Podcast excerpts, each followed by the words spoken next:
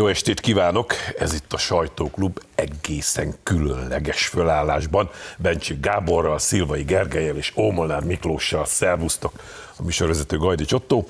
És kezdjük mindjárt azzal a témával, hogy segítsetek nekem megérteni, de különösképpen inkább a nézőinknek segítsünk megérteni, hogy mi is van most ezzel a svéd NATO csatlakozással, mi változtatta meg Erdogán véleményét. Ugye a felvételünk időpontjában az a hír, hogy ősszel fog a török parlament dönteni arról, hogy hozzájárulnak-e a törökök a svéd NATO csatlakozáshoz, és hát ez nyilván helyzetbe hozta a magyar politikát is, hiszen mi vagyunk a másik ország, aki még nem döntött erről parlamenti szinten. Szóval, hogy mi van itt a háttérben? Azt gondolom, hogy most már másfél éve tart ugye a háború. Talán az első pozitív jelek észlelhetők onnan Vilniusból, hogy minthogyha az ideológusoknak a, a főszereplését kezdenék átvenni a racionalista politikusok, és kezdenének a ráció alapján működni. Svédország nyilván csatlakozni fog a NATO-hoz. Ezt az első perctől lehetett tudni, mikor ezt a döntést meghozták, mármint a svédek, akkor ezt lehetett tudni, hogy ennek a vége ez lesz. De természetesen a nagy politika az egy alkufolyamat. Ebben van erkölcsi háttér, erkölcs nélkül nem lehet hosszú távon nagy politikát csinálni, de rengeteg pragmatikusság van. Egészen biztos, hogy születtek olyan megállapodások, amik révén a törökök azt tudták mondani, hogy jó, így most már rendben van a dolog. Magyarország ennek az játékosa volt ennek a folyamatnak, mi is részt vettünk benne, nekünk is vannak, nemzeti érdekeink, hozzá kell tennem, nemzeti érdekeink vannak, és a kormánynak kutya kötelessége, hogy ezeket a nemzeti érdekeket a pragmatikus politikusok tanácskozásán képviselje. Ez történt most, és meg fog születni a skandináv országok NATO csatlakozás, hogy a finneké már megvan, egy kicsit átrendeződik a világ, de erről talán a következő körben érdemes szólni. Persze, hogy van, van időnk. Gergő. Mi lesz ebből? Szerintem a NATO mindig sokkal uh, pragmatikusabb volt, mint mondjuk az Európai Unió, hogy, uh, hogy összehasonlítsak két országot, aminek a, ugye az Európai Unió tagságának nagy része az NATO tag. Um, nincs sok célja, um, katonai szervezet ebből fakadóan is pragmatikusabb, és nem annyira ideológikus, mint, a, mint az EU. De ugyanakkor nyilván az Ukra- Ukrajna csatlakozásának a felvetése kapcsán azért a, a nagy ukrán pártiságban a NATO józan esze és kicsit Gellert kapott az utóbbi időben, vagy legalábbis retorikai szinten. Ezt akartam mondani, hogy Gábor arra utalt, hogy azért föllélegeztünk, hogy tényleg igen, a pragmatizmus igen. győzött. Uh, legalábbis a, a kommunikációs szinten, mert ki tudja, hogy a háttérben egyébként miközben kifele ezt mondták, háttér mit gondoltak, meg mit beszélgettek a, uh-huh. a, akár Zelenszky, akár másokkal. Hát az teljesen egyértelmű, hogy amit ugye Zelenszky mond, és a Vilniuszi csúcs is ugye itt a témánkhoz fog szerepelni, hogy, hogy, hogy az ukrán elnök csalódott Vilniusban, ugye, hogy nem értő, miért nem lehet felvenni őket. Hát, hát vegyen föl valaki egy katonai szervezetbe egy éppen háborúban lévő szétbombázott államot. Tehát ez, azon az egész szervezet benne van a konfliktusban, nyilván ezt a nato nem akarják. De ugye azért Törökország egy nagy játékos, az EU-ban is, a NATO-ban is, stratégiai helyen van, övé a Boszporusz, Oroszország az egyik irányban ott van a szomszédban, ekközben Amerika az egyik fő szövetségese, Szóval a törökök mindig nagyon magasan játszottak a nagypolitikában, és nyilván a svédekkel, ugye nekünk is volt egy-két kis ügyünk a svédekkel, amit meg akart beszélni a, a magyar kormánypárt a svédekkel, mielőtt aláírjuk a csatlakozást, hogy akkor hogy volt ez, hogy mikor, miben nem támogattak, vagy támogattak minket. De nem kéne rólunk hülyeségeket beszélni. Igen, vagy legalábbis, legalábbis ennyit kérnénk. A törököknek ennél több és súlyosabb ügye volt a svédekkel, talán még van is, ugye, ugyan hírek most nem szerepel, de hogy a, hogy a kurdok kapcsán vannak ott konfliktusok, hogy ez ugye mit beszéltek most Svédországról, azt nem tudjuk, de de valamiben dülőre jutottak, és ha jól értem, akkor nem csak Svédországgal jutottak dülőre, hanem Amerikával, például vadászgépvásárlás Ugyan. ügyében, meg aztán itt van az EU csatlakozási kérelmük, ami hát elég, elég nagy felfordulást keltene az EU-ban, ha ők egyszer csatlakoznának, azt hiszem. De tény és való, hogy előszobáztatják őket nagyon régóta, ami hát vagy igent vagy nemet illene mondani a törököknek az EU részéről, mert ez a konfliktus kerülés, ez kicsit fura. Igen. Egyébként azt egyezték talán a svédekkel, hogy a terrorizmus elleni intézkedéseket szigorítani fogják. Igen, valószínűleg ez a kurdokkal kapcsolatos témának a általános megfogalmazása. Miklós? Csak folytatni tudom ezeket a gondolatokat, azt gondolom, hogy Konstantinápoly elfoglalása óta az európai és török kapcsolatok a féle rókafogta csuka, ugye tényleg övék a Boszporusz, a Fekete-tenger bejárata, úgymond, ami most az ukrán háború kapcsán még inkább felértékelődött. És hát azt gondolom, hogy az elmúlt 500 évben a török diplomácia magas színvonalon kiátszotta ezt a helyzetet. Most is utolsó percig kivárva az állásfoglalást a svéd NATO tagság kapcsán hozott még mindig nem döntést, még mindig csak arról van szó, hogy az őszi ülésszak elé terjeszti majd Erdogán a kérdést. A törökök azt gondolom megpróbálják ebből a stratégiai, geopolitikai helyzetből 500 év múltán is kihozni a, a maximumot, már mint a kicsit a svédek engednének és beígértek egy törvényt a szent égetések betiltása ügyében. Másrészt hozzád kapcsolódva tényleg én is úgy érzem, hogy megjelentek az első józanabb hangok a NATO házatáján a nagy háborús retorika után Tegnap azt találta mondani eh, az árónyilatkozatban a NATO főtitkára, hogy eh, a katonai szövetségnek nem csak lokális, hanem globális kihívásokra is választ kell adnia. Eh, mi mást jelentene ez, hogy az ukrán háború nem jelentheti azt, hogy a világ belerohan a harmadik világháborúba. Világos.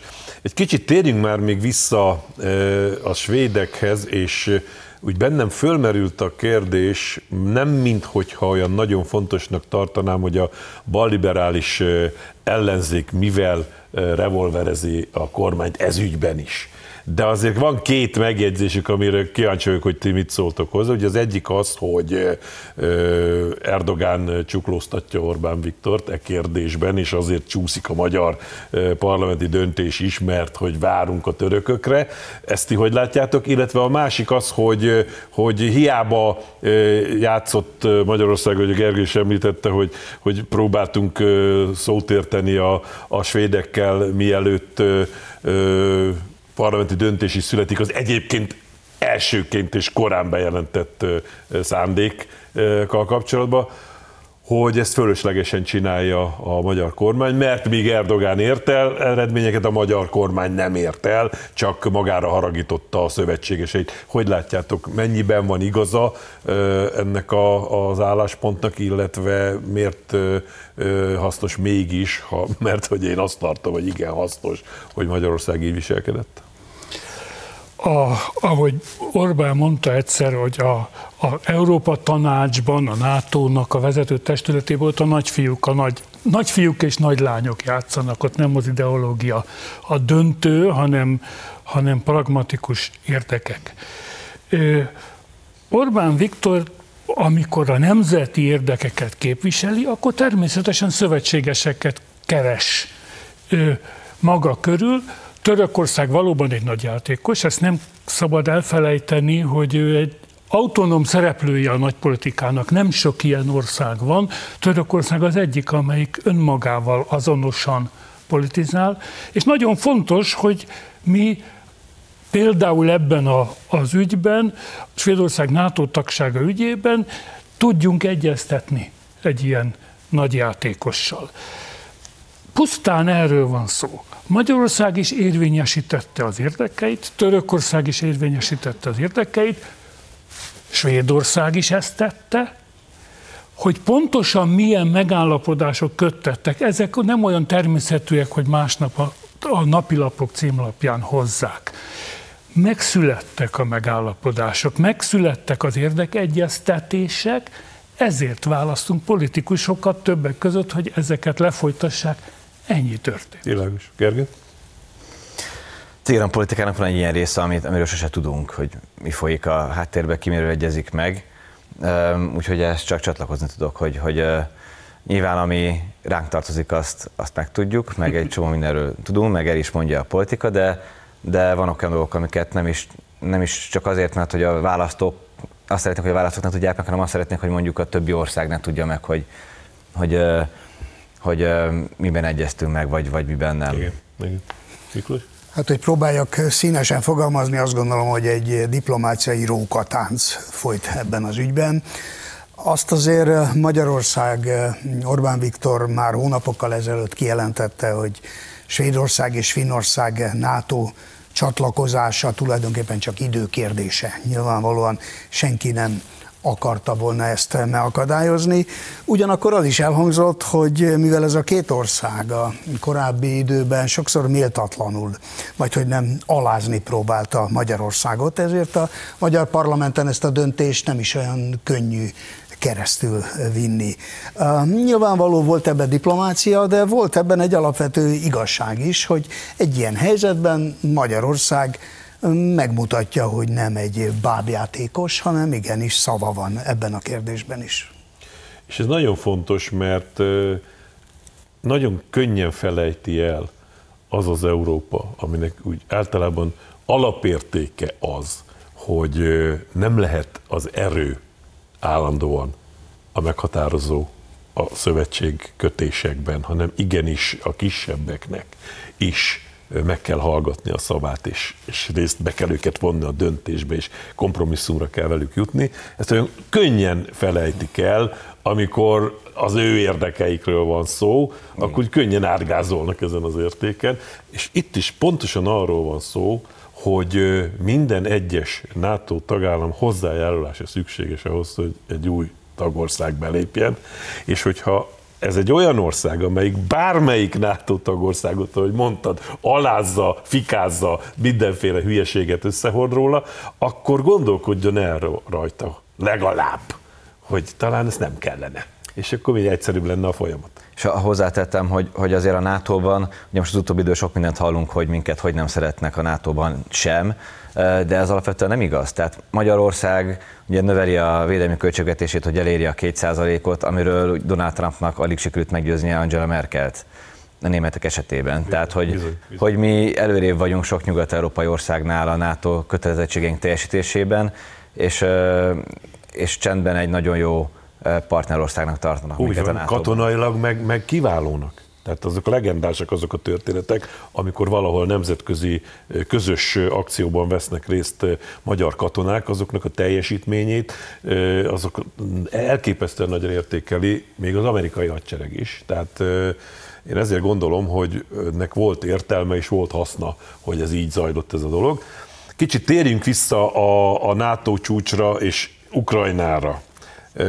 Ugye már a végén ott tartott a folyamat, hogy maga Joe Biden mondta azt, hogy Ukrajna még nem felkészült erre a csatlakozásra, de úgy, úgy tényleg ezt az evidenciát azért erősítsük már meg, hogy egyáltalán hogy jutott valakinek eszébe egy olyan ország csatlakozása, amelyik háborúban áll. Egy védelmi szövetséghez. Először egy, egy kis epizódot hadd idézzek ide közénk, amikor a világ legnagyobb hatalmának, legnagyobb hatalmú embere Orbán Viktorral kez, egyedül Orbán Viktorral kezet fogott, ami nagyon megtisztelő számunkra, magyarok számára, de nem vagyunk meggyőződve róla, hogy ő tudta, hogy hol van. Rossz nyelvek szerint azt mondták neki, hogy kezet ne fogj vele, csak ő ezt elfelejtette. Valami, valószínűleg valami volt a fejében, de ez nem igazán volt adekvált a, a helyzet. Véletlenül pont Orbán Viktorra nézett föl, és akkor aki találkozott a szem, az a kezet fogott. Ö, ha nem egy ilyen szuper hatalom, szuperemberéről volna szó, akkor kacagnánk is rajta. Van ebben valami tragikus, de tegyük ezt zárójelbe. Ugye Zelenszky a már a NATO csúcs után mondott egy mondatot, ami több rendbelileg nagyon izgalmas. Ő azt mondta, hogy semmiféle társulásért nem vagyunk hajlandók területekről lemondani. Ebből egyrészt az következik, hogy ezt neki mondták hogy figyelj, el fog jönni a pillanat. De az is lényeges, hogy, hogy egy sokat idézett, vihart kavart kifejezést idehozzak, Ukrajna nem szuverén. Ezt a döntést, hogy hogyan fog megszületni a béke, nem Ukrajna hozza meg. Ez, ez egy faktum. Azok hozzák meg, akik döntenek az anyagi és a katonai támogatásról. Ha holnap beszüntetnék a katonai és a anyagi támogatását Ukrajnának, holnap összedülne, vagy holnap után az állam. Meg akik döntenek az újjáépítésről. Ráadásul még az újjáépítésről. A döntés tehát arról, hogy mi, hogyan jön ki a világ ebből a katasztrofális helyzetből, nem Kievben fog megszületni. Ez egy nagyon fontos dolog. Szerintem nem láttunk bele, ebbe aztán tuti nem láttunk bele, hogy még négy szem közt milyen tárgyalások folytak Vilniusban, de szerintem ott elindultak egy bizonyos kibontakozás felé, ami úgy néz ki, hogy Ukrajna területeket veszít, Oroszország vala bizonyos, meghatározhatatlan területeket nyerni fog, viszont fizet a nagyhatalmi pozíciójának a elvesztésével, az én meggyőződésem, hogy ezt Oroszország nem tudja vissza a háború előtti pozícióját nem tudja visszaszerezni, Ukrajnának területekről kell lemondania, ezért cserébe viszont hosszú távon integrálódhat Európához. Szerintem erre a, ez e deal felé indult el Vilniusban a megbeszélés, az magától értetődik, hogy háború, szóval világháborút nem lehet kockáztatni. Világ. Még csak kockáztatni Már sem. pedig ez kockáztatni. Már pedig az, az, az, az evidensen az. Ukrajna, amíg béke, nem tűzszünet, amíg békekötés nem történik, nem lehet tagja, de Szerintem még száz éves korában is érdemes Kissingerre hallgatni, aki azt mondta, hogy ennek a háborúnak nem lett volna szabad kitörni, Ukrajnának nem lett volna szabad megítérni a NATO tagságot, de most már, hogy történt, ami történt, hosszú távon végül is meg lehet adni Ukrajnának a garanciát Oroszországgal szemben. Gergő? Hát meglátjuk, hogy, hogy, hogy mi fog történni de az én álláspontom ugyanez, hogy, hogy, hogy a, nagyon fontos az, hogy, a, hogy kiépít újjá azt az országot, és nyilván ez nagyrészt Amerika lesz, és ismerjük azokat az amerikai nagyvállalatokat, amelyek ilyenkor rendszerint újjáépítenek, ugye, és uh, nyilván a dílben ez is benne van, meg hát a fegyvertámogatás, hogy András mondta, az teljesen egyértelmű. Um, ugye az, az fontos, és hát uh, ugye itt belép a képbe a, még egy témánk, a kazettás igen, arra majd mindjárt bombák kérdésköre is. Igen. Vajon Amerika meddig, meddig adja, meddig támogatja Ukrajnát fegyverekkel. Igen, igen. Ez egy, nyilván Ukrajna ott, ott fog ülni a, a tárgyalóasztalnál, tehát hogy, Persze, hogy csak nem ő formálisan ott ül, meg meghallgatják, aztán mit mondanak rá a nagyhatalmak, Világos. illetve a NATO. Világos. Mikor? Hadd támasztam alá az eddig elhangzottakat egy számomra ugyancsak eh, meglepő, megdöbbentő tegnapi hírrel. Sajtótájékoztatót tartott Moszkvában Szergej Nariskin, az orosz külföldi hírszerzés vezetője. Nyilvánvalóan egyeztetve az amerikaiakkal arról számolt be, hogy tárgyalt William burns a CIA vezetőjével, és megpróbálom eh, szó szerint idézni, amit mondott. Megtárgyaltuk, megvitattuk, hogy mi legyen Ukrajnával.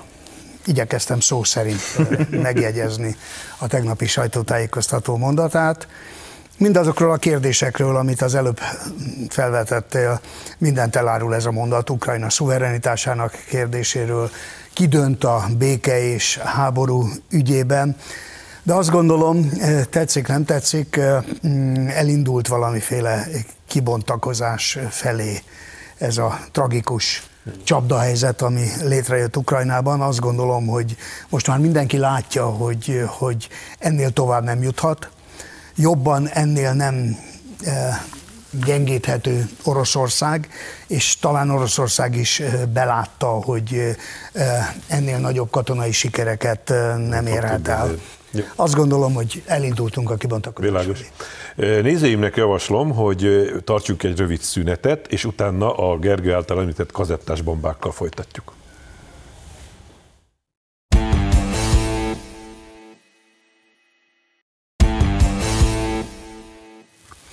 Folytatódik a sajtóklub Bencsik Gáborral, Szilvai Gergelyel és Ómolnár Miklóssal, és azt ígértem, hogy beszélgetünk arról az amerikai támogatásról, amelyik most már ott tart, hogy nemzetközi egyezmény által betiltott, és száz ország, több mint száz ország által aláírtan, ratifikáltan betiltott úgynevezett kazettás bombákat fog szállítani Ukrajnának.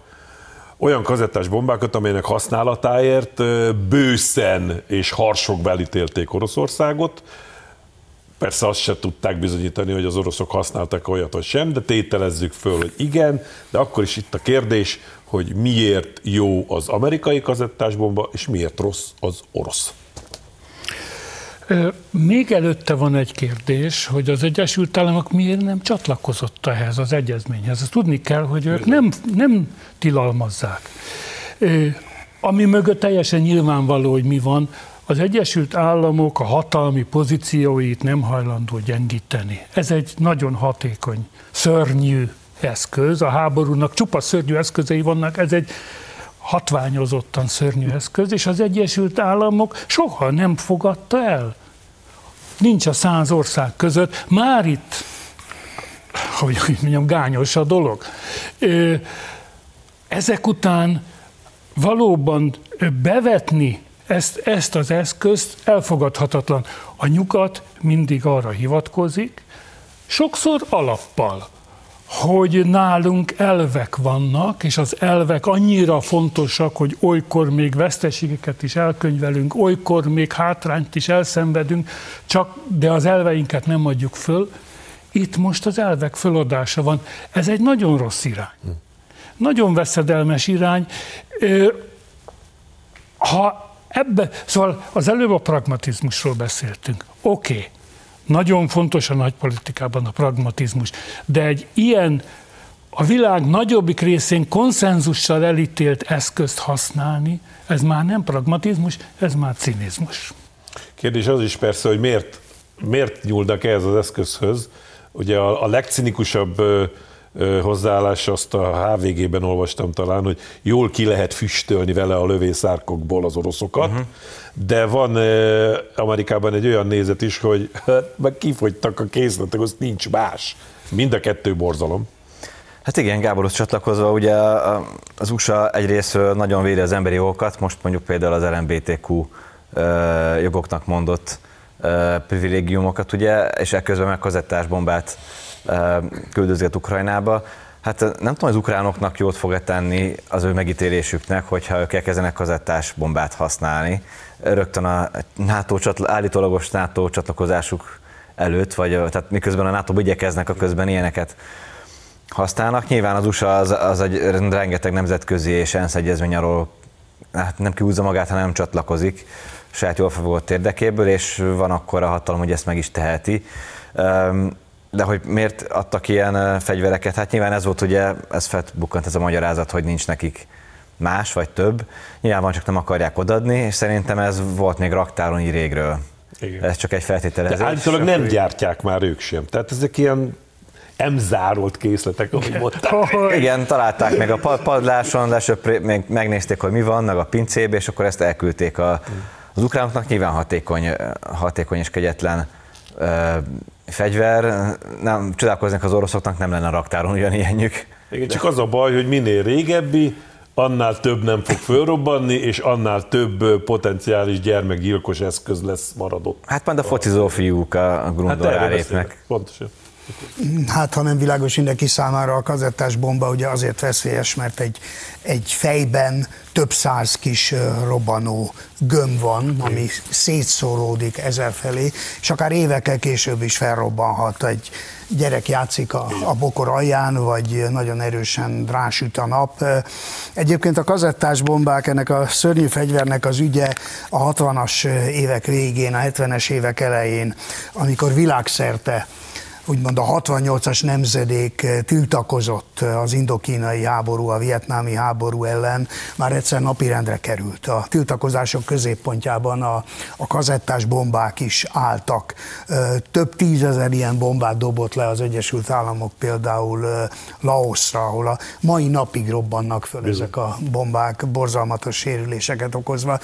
Érdekes, hogy ez a 68-as nemzedék elfelejtette évtizedek múltán, hogy valaha éppen ezek ellen a szörnyű fegyverek Igen. ellen tiltakozott. Szeretkezzünk a háború. Nem tudom, a Biden oda sorolható-e a 68-as nemzedékhez, mert akkor szerintem pont más egy, politikai egy, nézetei voltak. Igen, de. igen. Egy izgalmas kérdést azért még vessünk föl, nem is az én fölvetésem igazából, nem Siffer Andrásé, aki mindezeket halván, amiket ti is most összefoglaltatok, azt kérdezte, hogy egyáltalán létezik még olyan, hogy nemzetközi jog? Hát mi a csudának akkor ezek a tiltó egyességek, amit pont azok, akik a legtöbb ilyen fegyverrel rendelkeznek például, nem írnak alá. Hát nem írt alá Kína, nem írt alá Oroszország, nem írt alá Amerika. Akkor mi az a nemzetközi jog? Kérdezte Siferam. Hmm, Arany Jánosnak van egy kis verse, Na, nem, az a gondolok, nem tudom szó szerint, hogy azelőtt a, a politikában nem követtek semmi rendet,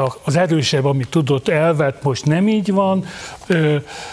Össze, Erre utaltam én is. A, a, össze, hogy ha az erősebb elvesz valamit, összeülnek és jóvá hagyják. A nemzetközi jog sok tekintetben az erősek joga. A nemzetközi jogban az érvényesül, amit az erősek érvényesíteni akarnak. Lám a kazettás bomba tilalmához az Egyesült Államok megengedheti magának, hogy nem csatlakozik, ha egy kis ország tenni, akkor olyan nyomás alá helyeznék, hogy föladja ezt, ezt az ambícióját. A világnak természetesen arra kellene mennie, hogy mindenkire érvényes legyen a nemzetközi jog, a kicsikre is, meg a nagyokra is. Még egy kicsit messze vagyunk ettől. Gergő? Ugye vannak kivételek Arany János verse alól is. Itt látjuk, nyilván a nemzetközi jog az úgy jön létre, hogy mivel nincsen valami felsőbb autoritás, hál' Istennek, ami megmondja, hogy mi legyen, hogy nem, nemzeti közi, tehát nemzetek közötti egyezményekkel, vagy országközi egyezményekkel jön létre, így aztán mindenki ebben szabadon csatlakozhat, vagy nem, aztán valakire gyakorolnak pszichológiai és diplomáciai, meg gazdasági nyomást, valakire meg nem. Nyilván a nagyhatalmaknak nagyobb szabad tere van, milyen meglepő, de nincs más kényszerítő ereje a nemzetközi jognak, mint az, hogy miben egyeznek meg az országok. Mert ha ők felállítanak maguk fölé egy hatóságot, akkor az, az még valamennyire tudhatni, de a nemzetközi jog az így jön létre, Igen, és csak, ha csak ez valaki nem csatlakozik, akkor nem Egy bajom van ezzel, hogy ez álszent, farizeus, üres hivatkozás mindenféle etikára, morálra, értékekre. Igen, túl, túl, túlbecsüljük a nemzetközi jognak az erejét, meg, meg, meg túl sokat képzelünk bele, ahelyett, hogy látnánk, hogy ez egy nem tudom, vékony. Kőkemény dolog. érdekharc, Igen. ahol sajnos az erősebb kutya cselekszik, a többiek meg nézik. Mindent elmondtál. ott, ott tényleg Ugyanakkor azt gondolom egyikünk se vonja kétségbe, hogy a nemzetközi jogra szükség van, szükség lenne valamiféle jó modort legalább betartani a nemzetek között, mert anélkül tényleg csak valamiféle eh, barbár kőkorszak eh, felé menetelünk vissza.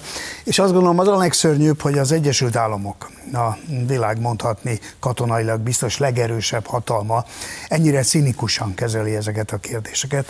Mondhatnám, ennyire rossz példát mutat, és ennyire, ennyire tényleg csak azt az elvet demonstrálja, hogy itt az erősebb kutya. No, akkor most már lépjünk tovább, hogy ne, ne legyünk ennyire, ö, hogy is mondjam, csak háborús hangulatban, mert hogy álszentségből, farizeusságból, össze-vissza hazudozásból vannak hazai példáink is. Itt van minden Karácsony Gergely, aki továbbra sem tud ö, normális, józan gondolkodású ember számára elfogadható magyarázatot adni arra, hogy ez a fél milliárd forint, ez honnan is csenged be az 99 mozgalmának a kasszájába, és mit csináltak vele.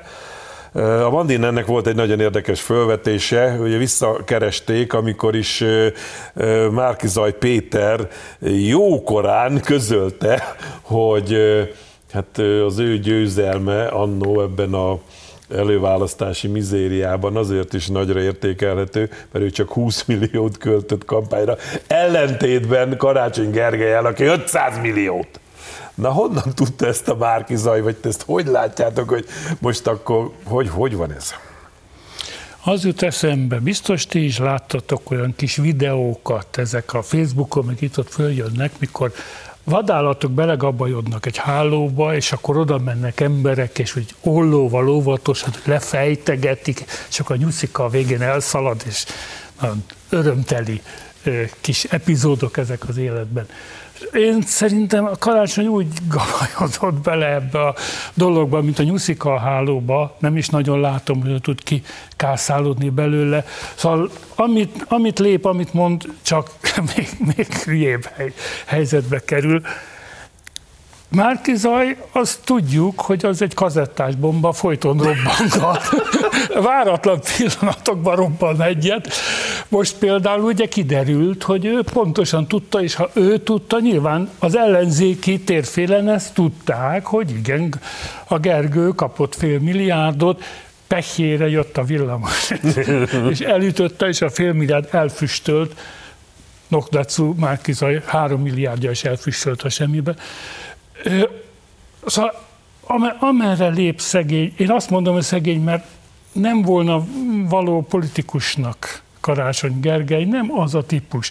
Nem, nem egy harcos, kemény, csimben, focisták között, amikor kiválasztják a gyerekeket 6-8-10 éves korukban, akkor az ilyeneknek azt mondják, hogy annyi szép sport van, inkább válasz mást, mert ide csibészek kellenek, akik tudnak kódrukni, és mennek, és harcolnak.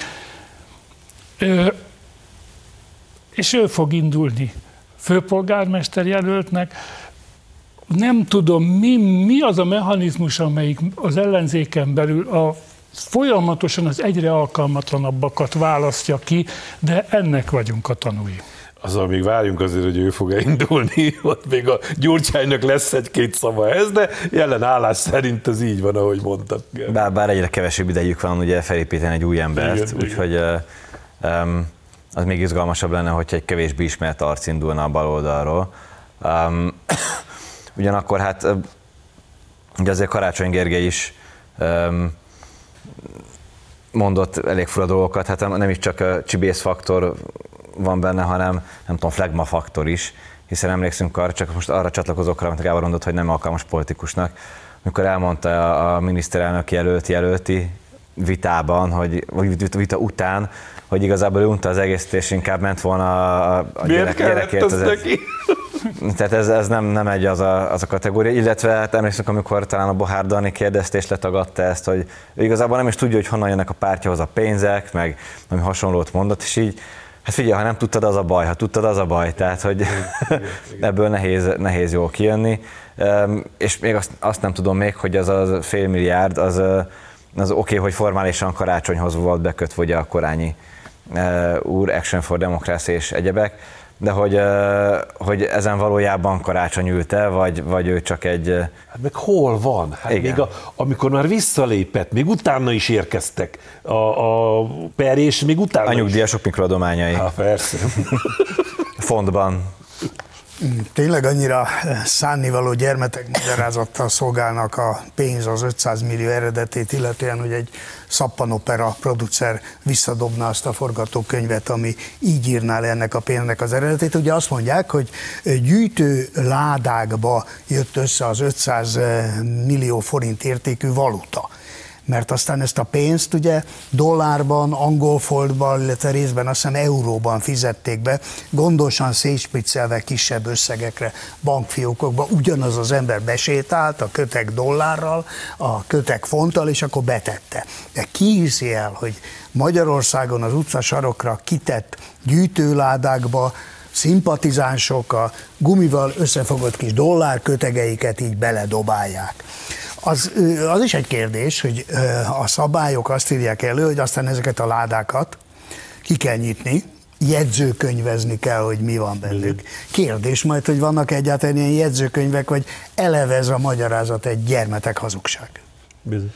Utaltam már a Gyurcsányra, és nem véletlenül, mert hogy Gyurcsány gyakorlatilag olyan nagyon gyurcsányosan, olyan nagyon nyakatekerten, furmányosan, de megmutatta, hogy ebben a kérdésben is ő mondja meg Karácsonynak, hogy mit kell gondolnia, mert hogy azt mondta, hogy ha ezek valóban mikroadományok, és így érkeztek, hogy a Karácsony mondja, akkor ezzel nincsen semmi probléma. Ezzel ugye kvázi megvédte őt, majd aztán rögtön közölte vele azt is, hogy hát lehetséges olyan megközelítés, amelyben a DK esetleg majd őt fogja támogatni főpolgármester jelöltként, ezzel pedig közölte vele, hogy még nincs vége, Gergely. Még vigyázzál, mert még nem dőlt el, hogy mi legyen. No, szóval ebben az aspektusban hogyan látjátok karácsony sorsát?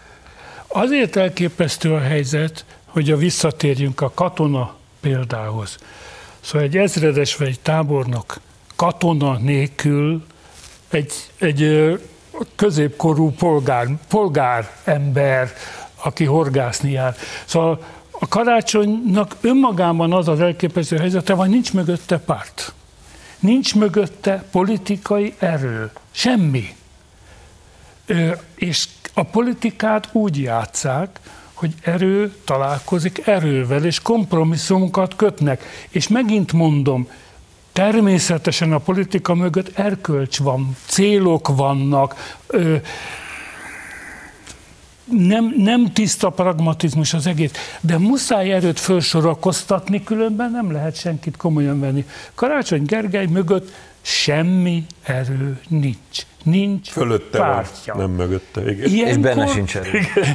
És benne személyiségében sincs. Tarlós nem volt egy Fidesz katona, noha mögötte állt egy pár, de egy erős személyiség, Igen. aki az akaratát érvényesíti Igen. és átviszi.